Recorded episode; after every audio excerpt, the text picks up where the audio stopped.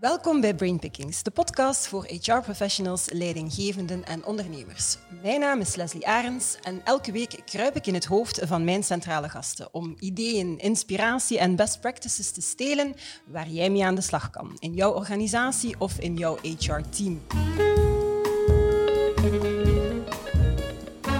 Eén keer per maand kijk ik ook over het muurtje.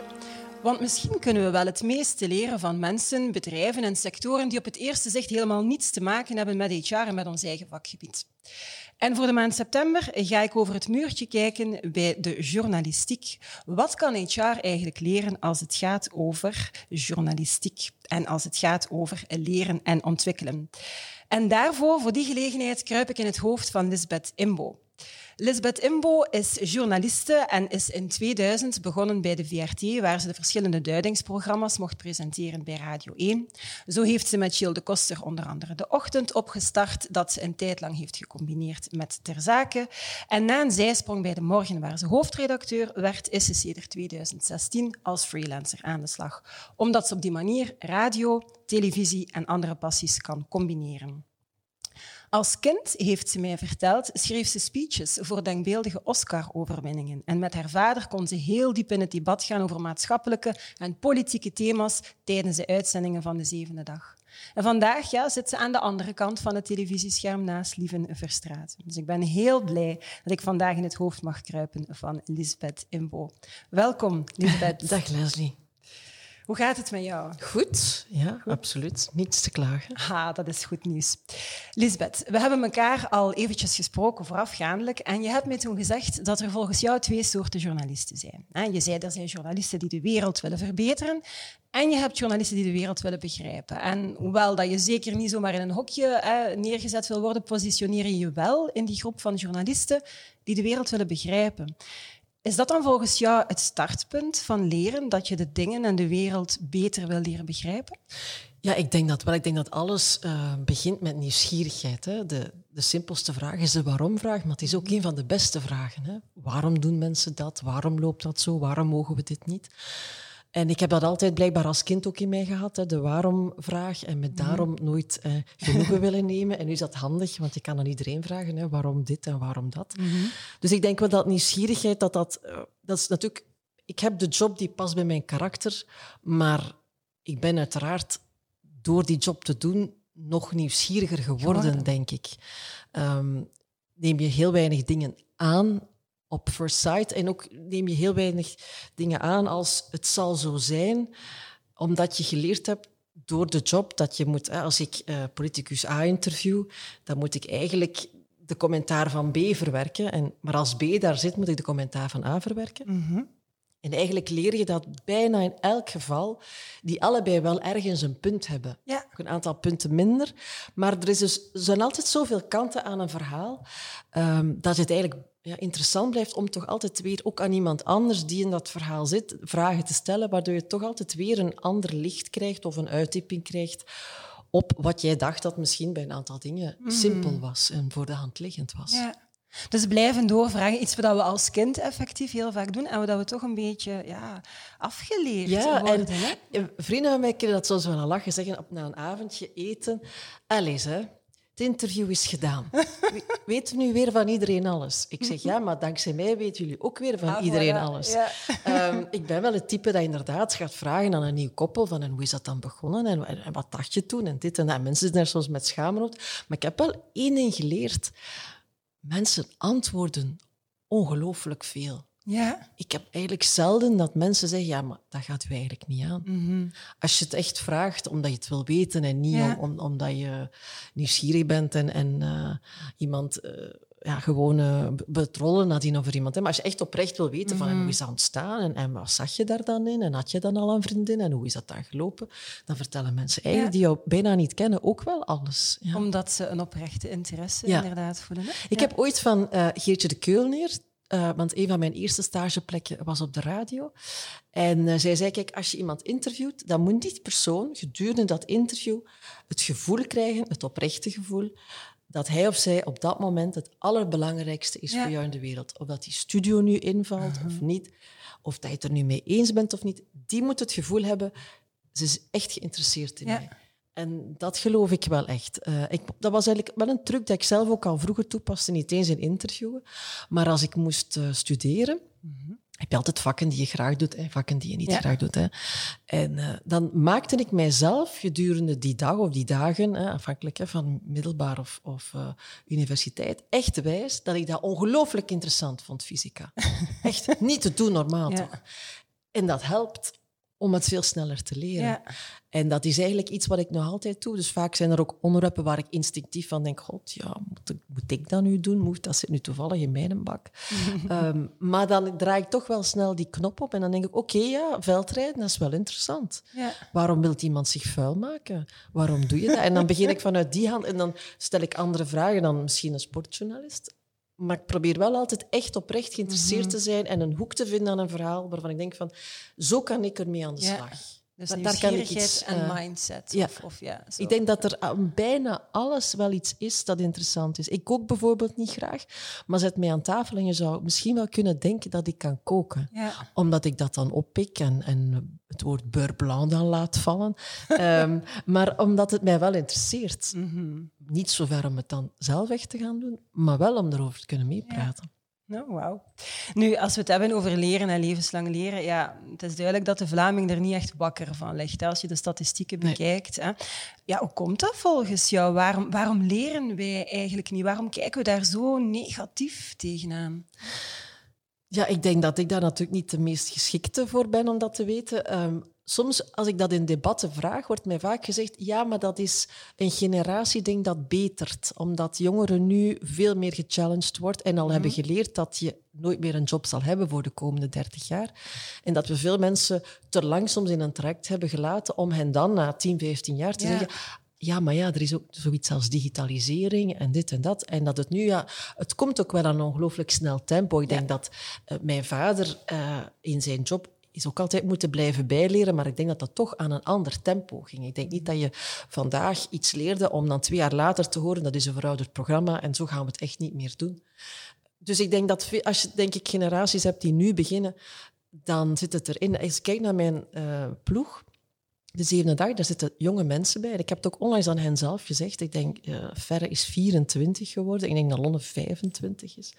Maar wat die kunnen op een jaar, zevende dag, dat is onwaarschijnlijk. Hè? Die kunnen een podcast maken. Die kunnen dat publiceren. Die hebben geleerd hoe ze op Spotify en door dat moeten doen. Ze kunnen artikels schrijven voor de website. Ze kunnen dingen maken voor Twitter. Ze weten hoe social media werkt. Ze kunnen filmpjes maken. Ze kunnen filmpjes monteren. Ze kunnen uh, ondertiteling doen waanzinnig. Mhm. Ik als redacteur, ik moest bellen en daar iets mee doen. Hè? Dat is nu onmogelijk, gewoon bellen en, en dat noteren en daar vragen rond verzinnen als redacteur, dat is onmogelijk. Mhm. Dus ik heb soms... Uh, ik zeg dan ook vaak van, ik kan veel minder dan jullie, omdat ik veel minder moest kunnen toen ik hier binnenkwam. Mm Lonne die heeft nu een heel jaaroverzicht gemaakt, heeft daar twee dagen voor gekregen. één dag om beeld te zoeken, één dag om te monteren. Een heel jaaroverzicht van de zevende dag. Ik zei, ik zou daarvan stressen. Maar zij zijn dat gewoon. Dus zij zijn binnengekomen en ze hebben eigenlijk heel snel moeten leren van er zijn weinig mensen op de dak, er is geen budget, dus we gaan alles zelf doen. Ja. En dus denk ik dat zij iets mee hebben aan, aan hun 3, 24 jaar, wat echt wel voor de rest van hun carrière in hen zal zitten. Ze zullen dat gewoon zijn om elk jaar weer op een redactie, of waar ze ook belanden, zich aan te passen en het zelf te gaan doen. Mhm. En ligt het dan, hè, want ik hoor jou vertellen, het kan zijn dat het, dat het in hen zit en dat het ook te maken heeft met de job die ze doen. Maar wat is dan bijvoorbeeld het aandeel van, van de werkgever? Hè? Want je geeft er net aan van ja, als je iemand uh, x aantal jaar niets laat doen en dan plots met de digitalisering afkomt, is logisch, ze hebben het nooit geleerd en het is zo ingrijpend. Ja, is dat dan de verantwoordelijkheid van een werkgever? Zeker nu, maar misschien de fout, als ik het zo mag zeggen, van de werkgever, dat hij daar destijds veel te weinig de nadruk heeft opgelegd. Ik denk ook dat het misschien vroeger minder nodig was. Hè. We hebben heel mm. lang, toen ik net op de VRT eh, binnenkwam, dat is nu toch ook al uit 2000, dus 20 jaar geleden. Uh, ik heb net de overgang meegemaakt van uh, monteren met een technicus in de radiostudio tot het zelf monteren. Dus ik was daar heel snel mee weg en ik vond het zelf monteren veel leuker, want ik had greep op de dingen. Maar ik kan me inbeelden, als je daar al 20 jaar zat mm -hmm. en je bent 46 of 48 en opeens moet je het zelf gaan monteren en je hebt het nooit gedaan, dat dat een ongelooflijke drempel moet geweest zijn hè, voor die mensen. Dus ik denk dat men vroeger vaak ook um, de verschillende jobs meer onderverdeelden. En nu, zeker in onze job, waar er altijd maar minder budget is door die buitenlandse spelers en die reclamedruk, worden redacties kleiner, maar je moet eigenlijk meer bieden dan vroeger. Dus je moet van die mensen meer talenten vergen. Ik weet nog goed toen ik ooit bij de morgen zei van... Ja, uiteindelijk mogen we blij zijn, want we hebben nog altijd ons aantal journalisten. Toen zei er een pintere... Ja, maar wij doen wel meer. Want mhm. eh, vroeger moesten we een krant maken en nu moeten we ook eens een site maken. Dat zijn andere shiften, dat zijn andere kwaliteiten. Dus we zijn met evenveel, maar we maken eigenlijk een digitaal luik en een papieren luik. Dat heeft een ander ritme. Mhm. Dus we zijn wel met minder. Ja. En dat was, op zich was dat, was dat absoluut de juiste conclusie. ja. Ja, inderdaad, het belang van de context heb ik daar eigenlijk ook van. Hoe dat, hoe dat, de wereld nu gewoon door omstandigheden, door een aantal grote drivers, veel sneller uh, evolueert. Nu, um, een van de, ik, lees ook best wel graag, uh, een van de boeken die ik gelezen heb, is eentje van Sebastian Bailey, Mindje. En die heeft daar uh, het, het, concept gelanceerd van Learnetics. En een Learnetic is volgens hen iemand die maar echt extreem nieuwsgierig is, um, heel volhardend is, dus altijd blijft doorgaan, die niet snel opgeeft en die ook heel vindingrijk is, die zo die nieuwe angles gaat vinden die anderen niet vinden. En Sebastian Bailey die schrijft in dat boek, zegt hij van kijk, het is heel belangrijk dat organisaties zo'n learnetics gaan aantrekken, omdat als je dat in je organisatie hebt en je bent in staat om veel te leren en om dat geleerd in de praktijk om te zetten, ja, dan heb je gigantisch voordeel ten opzichte van anderen. Ja, als ik dan kijk of ik luister naar jou, hè, journalisten, ja, dat zijn dan toch bij, by default mensen die nieuwsgierig zijn. Mag ik dan concluderen dat alle journalisten learnetics zijn?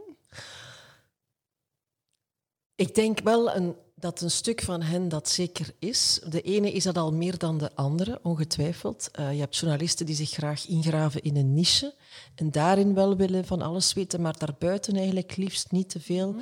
lastiggevallen worden. Anderen willen dan eigenlijk heel veel specialisaties ontwikkelen of voelen ook soms snel van, ja, ik moet ook dat en dat doen, want dat, dat is meer toekomstgericht. Dat wordt een onderwerp van de toekomst, die mhm. dat eigenlijk snel hè, doorhebben. Um, ik denk dat uh, Tom van de Wegen een mooi voorbeeld is. Hè. De man is eerst China-correspondent mhm. geweest, Amerika-correspondent. Ja, de dingen zijn dan gelopen dat die correspondenten werden teruggetrokken, dus die moest zich voor een stuk toch terug herdefiniëren. Die zijn gaan studeren hè, in Amerika en die is nu vooral bezig met die artificial intelligence, met fake news. Dus die heeft voor zichzelf geleerd van ja, met die China en die Amerika, daar alleen zal ik er wellicht niet meer mee komen. Er zijn er mhm. al zoveel die dat doen dit is een branche die binnen de VRT Nieuwsdienst, daar is al Tim Verheij mee bezig, maar voor de rest is daar wel nog ruimte, die, die op die manier zichzelf wat herschoolt en die natuurlijk de skills die je bij het een heeft geleerd, hè, namelijk hoe maak je een stuk en hoe stel je vragen, gewoon toepast met een andere materie. En dan heb je er anderen die ooit beslist hebben dat het Afrika zal zijn, of dat het Afrika, zal blijven. Dus daar heb je dus van soorten in, zoals, zoals overal. En ik snap natuurlijk dat je als bedrijf het liefst hè, de learnetic par excellence hebt. Ik denk dat gewoon altijd vaak van... Wij zijn niet allemaal zo. Hè. Mhm. Er zijn heel veel mensen in de samenleving die zo niet zijn. Mm die, bij wie dat, dat heel veel angst geeft, altijd in vraag gesteld worden, altijd moeten hè, veranderen, die, die daar net op, op, op terugkruipen wat gaan we met die mensen doen? Want als elk bedrijf allemaal natuurlijk uh, de, de Learnetech wil en die vooruit wil en die 10 skills per jaar wil aanleren. Ja, er, er, zijn ook heel veel mensen die we toch op een andere manier gaan moeten inspireren en motiveren, die misschien van nature niet dat talent hebben om zich zo wendbaar doorheen dat parcours uh, te jagen. Maar die we toch meenemen op mhm. along the road. Hè? Want wat gaan we anders met al die mensen doen? Ja, ja dat is inderdaad een maatschappelijk, eh, dat dreigt een maatschappelijk probleem te worden. Ja, ligt daar dan een stukje een rol voor de, de onmiddellijke collega's? Want ik ben er persoonlijk van overtuigd dat, dat mensen gaan moeten, dat is een lelijk woord, maar toch dat ze gaan moeten leren. Alleen moet je, inderdaad, moet iedereen in die gigaspecialisatie gaan, maar de bereidheid en die angst durven loslaten van ik moet even echt wel iets anders gaan leren dat is nodig. Ligt daar dan misschien een, een, een rol voor rechtstreekse collega's of voor een leidinggevende of iets in de bedrijfscultuur die toch die mensen kan niet pushen, maar koesteren of veiligheid geven? Ik denk dat veiligheid geven heel belangrijk is. Um, wij hebben bijvoorbeeld wel echt een ploeg waarin, waarin ze dingen kunnen proberen en, en mogen mislukken.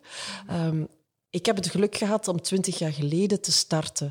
En ik ben klein begonnen. Ik heb eerst een muziekprogramma eens vervangen en dan af en toe een duidingsprogramma. En dan deed ik het één week op twee en, en stelselmatig. De dag van vandaag is, is beginnen vaak veel moeilijker geworden. Hè? Ze worden veel sneller in primetime gestoken, veel sneller visibiliteit. Dus natuurlijk, als je dan een beetje blauwe plekken oploopt, iedereen heeft het gezien en dat doet wel extra veel pijn.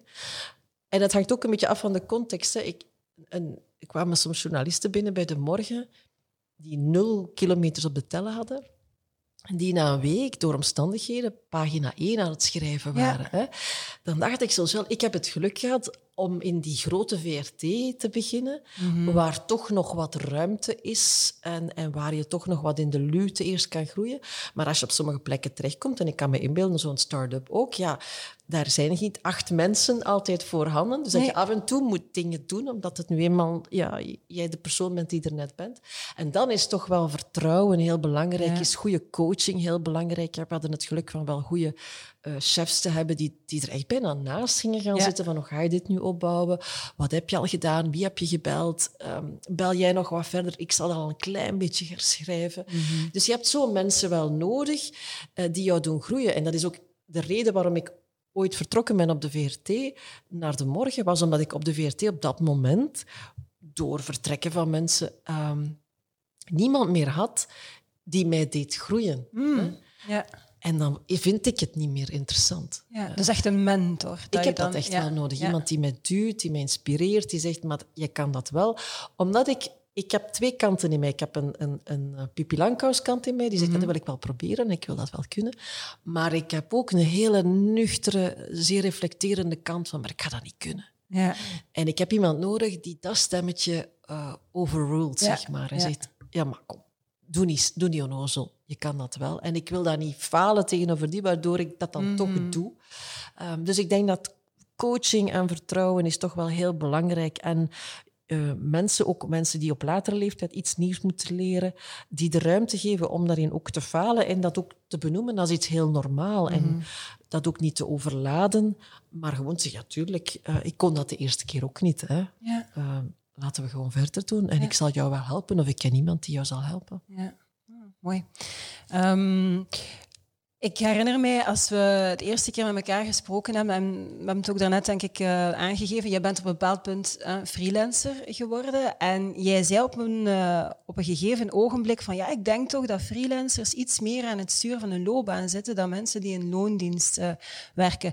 En dat het misschien niet zo slecht zou zijn om iedereen eens twee jaar freelancer te laten worden, om te beseffen, één, hoe goed dat je het wel hebt, hè, als, hoe goed dat er voor je gezorgd wordt in het bedrijfsleven, en anderzijds, hoe, hoe, ja, hoeveel dat er komt bekijken als je het zelf doet. Kan, kan je daar nog iets, iets meer over uh, vertellen? Ja, ik denk dat... Um, ik weet nog goed, toen ik terugkwam op de VRT, nou, ik denk dat ik daar zes jaar of zo ben weg geweest. Um, het is heel leuk om dan heel veel mensen terug te zien. Um, maar hoeveel gesprekken aan de koffiemachine toch dezelfde gesprekken waren als vijf jaar daarvoor. Hè? Namelijk de, de, dienstroosters en, en de vakantieregelingen en, en dat soort dingen. En ja, doordat ik daar nu niet zo contractueel in zit, kijk ik daar toch met meer afstand naar en denk ik soms van... Het is toch wel geweldig dat jullie hè, vakantie kunnen nemen in juli door uh, corona valt bij mij jullie gewoon helemaal in het mhm. water. Dat is helemaal niet prettig, maar dat doet jou wel beseffen hoe fijn het is dat ik vanaf augustus terug voor de zevende dag kan gaan werken. En, en ik, dat, dat ik mijn werk goed moet doen, omdat ze dat volgend jaar misschien zouden willen verlengen. Hè. Dus je hebt wel ergens motivatoren in jezelf. Het maakt je ook heel nieuwsgierig. En ergens ook minder bang om dingen te doen omdat je nu eenmaal weet, hoe, hoe, meer ik doe, hoe meer mensen ik leer kennen, hoe meer dingen ik weer kan, uh, laat ik dat maar proberen. Mm je, ja, er is geen veiligheid. Dus je moet voor jezelf genoeg kokonnen creëren. En dat maakt dat je wel makkelijker is inderdaad dingen doet. En dat geldt ook voor jou. Dat je dan zegt, oké, laat ik dan beginnen aan een podcast. Ik weet mhm. niet of ik dat kan, maar misschien is dat wel iets waar mijn publiek op zit te wachten. En ik zal wel zien gaandeweg, is daar een publiek voor? Wat moet ik meer doen? En ik zal wel bijsturen. Ja. Dus het, ja, het is zo ja, je moet je eigen Duracell op, op, opdraaien elke keer weer. Er is niemand die voor jou daar nieuwe batterijen in steekt. Hè. Je moet het zelf doen of je valt stil. Ja, ja, absoluut. Ja. En eh, het is een stukje, wat je nu daarnet zegt van Pipi Lanko's, ik herken dat inderdaad ook. Ik heb niet altijd een externe mentor nodig. Ik heb een CEO gecreëerd in mijn hoofd. En er zijn verschillende stemmetjes. En ik heb CEO Leslie aangeduid om als die ene stem te veel lawaai maakt of te veel zegt van je gaat dat niet kunnen, van we gaan dat toch zo doen. En dat kan eigenlijk ook een mentor zijn, maar dan ben ik een stukje mijn eigen mentor. Um, en zouden we, ja, hoe kan je dat dan stimuleren? Hè? Want in ondernemingen zegt men dan vaak, ja, we moeten dat, dat intrapreneurship wat gaan, gaan, gaan stimuleren en we gaan mensen ondernemender maken, maar uiteindelijk blijven ze wel nog altijd in die veilige structuur. En, en ja, ik vraag me af, is dat dan effectief een hulp? Zijn er geen andere tips of ideeën of, of, of triggers die we kunnen installeren, omdat die mensen toch ja, iets proactiever in beweging komen? Moet ik het misschien zo omschrijven? Ja, ik denk dat vooral inderdaad ownership van belang is. hè? Mhm. Dat je mensen durft die vrijheid geven om iets te doen. Uh, je voelt ook soms hè, waar iemand voeling mee heeft en waar iemand anders op aanslaat. En dat dan misschien niet mordicus bij A te willen leggen mhm. als je voelt dat eigenlijk meer B haar ding is of, of zijn ding. Dus ik denk dat, dat dat toch wel een heel belangrijke is om vaak ook aan mensen te vragen. En wat wil jij nu? Hè? Of hoe zie jij het? Dat is een, ik ben nu twee jaar op de zevende dag. En ik heb wel af en toe dat gesprek met mijn hoofddirecteur, omdat ik natuurlijk dat gesprek moet hebben om mijn contract te mhm. verlengen. Maar eigenlijk zouden ze dat met iedereen moeten hebben, dat gesprek. Hè, van hoe zie jij jezelf evolueren en wat vind je leuk aan de zevende dag en, en, wat, wat mis je eraan? En dat ook minder zien als ehm, kritiek of uh, vaak worden dingen nogal snel gezien als tekortkomingen. Ja. Maar daarom zijn ze zo niet bedoeld. Het is niet om, omdat ik zeg van, ga ik zou wel wat meer um, human interest interviews wil doen, dat ik daarmee kritiek heb op een eindtracteur die daar misschien minder voeling mee heeft mhm. of zo. Ik denk dat, dat dat wel iets is, heel Vlaams. Ik heb ooit eens een... Um, een heel, heel, heel, heel, heel, heel pittige discussie meegemaakt. Uh, in Nederland was er een journalist van uh, Trouw ontmaskerd als iemand die heel veel in scène had gezet. Mm. Dat was echt een topjournalist, had prijzen gewonnen. Maar bleek dat toch zijn undercover verhalen, dat daar toch wel uh, wat, wat, wat opsmukwerk en, en verzinsels bij kwamen. En zijn toenmalige chef was op dat moment hoofdredacteur van Trouw. En de Volkskrant allebei kranten van de persgroep, dus behorend tot dezelfde groep, had eigenlijk daar heel veel over uitgebracht. Mhm. Dus ook typisch Nederlands, dat is dezelfde groep, maar we zijn journalisten, dus we kijken daar niet naar. En dat was dus, die zitten in hetzelfde gebouw met een verdieping hè, eh, tussen. En er was ook een journaliste van Trouw, dan overgestapt naar de Volkskrant. het zat er eigenlijk bovenarms op. Die zaten tegenover elkaar aan tafel ik zat daarnaast en het, ja, het komt daar op een bepaald moment op dat de ene zegt, ja, had je nou niet even kunnen telefoneren, want wat was me dat nou allemaal? En de ander zegt, nee, ik ging helemaal niet telefoneren, want ik ben journalistiek onafhankelijk. Ga ik nou even met jou bellen? En, en, dat werd heftig en pitsig en, en hard, echt. Hè? Want je hebt mensen weggehaald, ja, die mensen wilden bij ons komen. Echt heel pittig. En die stonden nadien dan wijn te drinken aan de bar.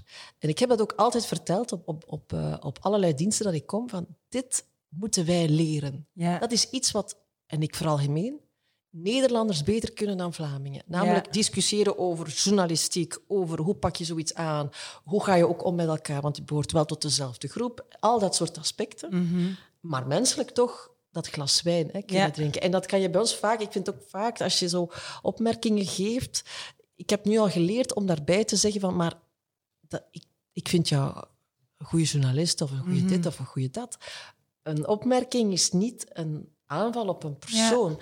En daarin moeten we, denk ik, zowel als werkgeverskant als mhm. als werknemerskant, toch nog ongelooflijk vaak in groeien. Ik heb vaak gesprek gehad, ook als ik nog hoofdredacteur was, en dan hoor je nadien hè, wat daar dan van rondzoomt, mhm. en dan denk je... Ik heb gewoon gezegd, het einde van dat stuk vond ik een beetje dit, maar ik heb wel tien keer gezegd hoe geweldig ik dat stuk vond. Maar wij gaan toch altijd met dat slotzinnetje naar huis. Hè? Ja, klopt. En ik denk dat dat ons vaak dan weer belemmert en we zijn dan lastig, want ze vond het weer niet goed, hè, dat soort dingen. Terwijl misschien je zou kunnen nadenken van waarom vond zij nu dat slot niet goed? En kan ik daar iets mee? Ja, en, en meer inspelen effectief op die feedback als een leermoment en, en dat loskoppelen van Maar ik denk dat ook door ons onderwijs en zo komen. Wij worden ook hmm. niet gemotiveerd op school om heel mondig te zijn, om, om leerkrachten uit te dagen. Integendeel. Ja. Uh, wat ze in Nederland veel meer durven. Dus het, zit, het is van, van begin af aan krijgen wij wel mee dat je ergens in verhoudingen zit en toch dingen niet kan zeggen en wel kan zeggen. Ik denk, moesten we het aandurven om mondigheid, en mondigheid is iets anders dan eh, onbeleefd zijn, hè, ehm, aanmoedigen. Dat is vermoeiender. Ik denk dat dat veel vermoeiender lesgeven is. Maar ik denk dat je misschien wel vaak naar huis kunt gaan en kunt zeggen van, zeg maar, die, die kleine Louis, dat was eigenlijk wel straf wat hij vandaag zei. Absoluut. Dus ik denk dat, dat we dat als cultuur veel meer moeten hebben. En dan verwachten dat iemand dan op 30 zo is, ja, we hebben daar bijna 30 mm. jaar niets aan gedaan. Ja. Dus het goede nieuws dat ik dan onthoud daaruit is dat je moet er geen nieuwe leerplannen voor maken in het onderwijs. Het is gewoon de manier hoe dat leerkrachten met hun jongeren en kinderen ik omgaan. Ik denk een manier van lesgeven. Ja, ja. ja dus, want heel vaak wordt gekeken naar onderwijs, want het is daar misgelopen, maar tegen dat we dat gaan kunnen hervormen en verbeteren. Ja, eigenlijk nee. Het is gewoon de manier waarop. En het zit, zit, zit in de mentaliteit van de leerkrachten en in, in, in de eagerness van de leerkrachten om ook interesse te tonen. Ja, in en om, de leerkrachten moeten ook, denk ik, meer en meer linken maken met de mhm. wereld. Hè? Ja. Waarom moet je dit kennen? veel, dat is een vraag die je veel hoort, ook van studenten. ik weet niet waarom ik dat moet blokken. Dan hebben ze toch ergens gefaald dat ze dat niet hebben kunnen uitleggen op een jaar lang, waarom dat misschien toch relevant zou kunnen zijn. Als je het zelf niet weet, dan moet je het ook niet, niet doseren. Maar als je het doseert, is het misschien toch wel handig dat je het meegeeft. Ja, de relevantie, absoluut. Um, je hebt aangegeven, ik denk dat je het daarnet ook uh, weer herhaald hebt, dat je niet zo houdt van pro-contra-debatten. En dat je twee mensen in een hoek hebt en, en ieder blijft bij zijn eigen gelijk, maar uiteindelijk krijg je geen rijk debat. Je krijgt misschien wel uh, leuke televisie met, met toffe quotes, maar je krijgt geen rijk debat. En, en je zegt, in elke hoek zit een waarheid. Hè? En uh, je moet verschillende stemmen aan bod laten komen ik probeer dat dan uh, af te leiden van oké, dus als we zoveel mogelijk willen leren en we moeten zoveel mogelijk stemmen aan bod laten komen, wil dat dan zeggen dat we een heel divers netwerk rondom ons moeten bouwen in plaats van wat je eigenlijk door de band nog altijd ziet van hè, het zijn mensen uit, uit, uit je jeugd die in dezelfde omstandigheden opgegroeid zijn en, en het, is een heel homogene, niet diverse groep. Zit, zit, zit dat daar dan in? Ja, ik denk zeker professioneel ruimer denk je dan ehm, de tak waarin je zit. Ja. Uh, veel mensen kennen veel mensen uit hun werkdomein. Mhm. Eh, maar misschien is het ook interessanter om mensen te kennen die iets totaal uh, anders doen, ja. omdat je daar ook veel van leert. Ik zie dat nu, mijn vriend die zit vooral bezig met um, alles wat eigenlijk life sciences is. Mhm. Maar ik denk dat het grootste deel van zijn niet-professionele netwerk zit in de cultuursector, zit in mensen die totaal andere dingen doen. Maar hoe vaak je daar dingen van meeneemt en zegt, ja, maar eigenlijk, dat is wel waar wat hij zei. Eigenlijk kunnen wij dat toch ook zo? Misschien moet ik zo dat aanpakken. Ik denk dat dat verrijkend is. Ik weet nog goed dat Guy Verhofstadt op een bepaald moment zei, ik ben gestopt met non-fictie lezen, ik lees alleen nog romans, dat heeft mij meer bijgebracht.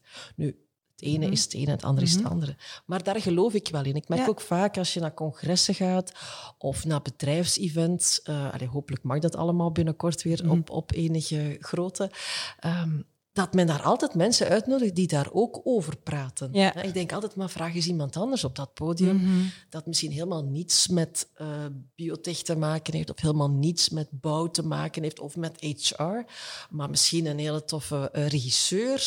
Ja. die moet ook met mensen werken. Integendeel, die moet mensen krijgen tot tranen, tot emotie. die, mhm. moet, die moet die heel super dicht laten werken voor even. Dus die hebben soms geen band met elkaar, komen samen op een set, moeten een koppel spelen dat 40 jaar getrouwd is. dat, is dat is ook HR. hè? Maar die zou je zelden op een HR-congres zien. En dat soort dingen denk ik van, dat, dat, dat moeten we toch meer doen. Uh, ons meer interesseren aan, aan ruimere dingen dan ik ga naar een netwerkgroep van van het netwerk waar eigenlijk ik al in zit. Hè. Daar ga je ook wel dingen van leren. En zeker denk ik in het begin van jouw carrière is dat misschien wel mhm. bijzonder handig. Maar als je echt wil geïnspireerd geraken, dan zou het wel interessanter zijn, moest je in meer groepjes terecht kunnen komen. Ja. Ja. Klinkt in ieder geval als muziek in de oren, want dat is exact wat we zigzag jaar willen doen. Effectief ook andere stemmen aan bod laten komen. En, en regisseur, dat is een dat ik ga onthouden, want dat ik zelf nog niet bij stilsta. Met een Formule 1-piloot, bijvoorbeeld een chef-kok, wat kun je daarvan leren van jaar? Een journalist. Um, ja, ik kan het alleen maar beamen en hopen dat veel mensen ook jouw oproep um, horen. Ik, um, ik vond het in ieder geval heel inspirerend om in jouw hoofd te mogen kruipen, Lisbeth. Ik vond het enigszins intimiderend ook uh, om in het hoofd te kruipen van iemand die zelf altijd in anderen hun hoofd kruipt. Ik hoop ook dat jullie ervan genoten hebben en dat, of uh, genoten, gekeken, geluisterd, afhankelijk van hoe je dit, hiermee in contact bent gekomen. Nu, um, smaakt dit naar meer? Heb je honger naar meer inspiratie? Abonneer je dan zeker en vast op de podcast of op het YouTube-kanaal.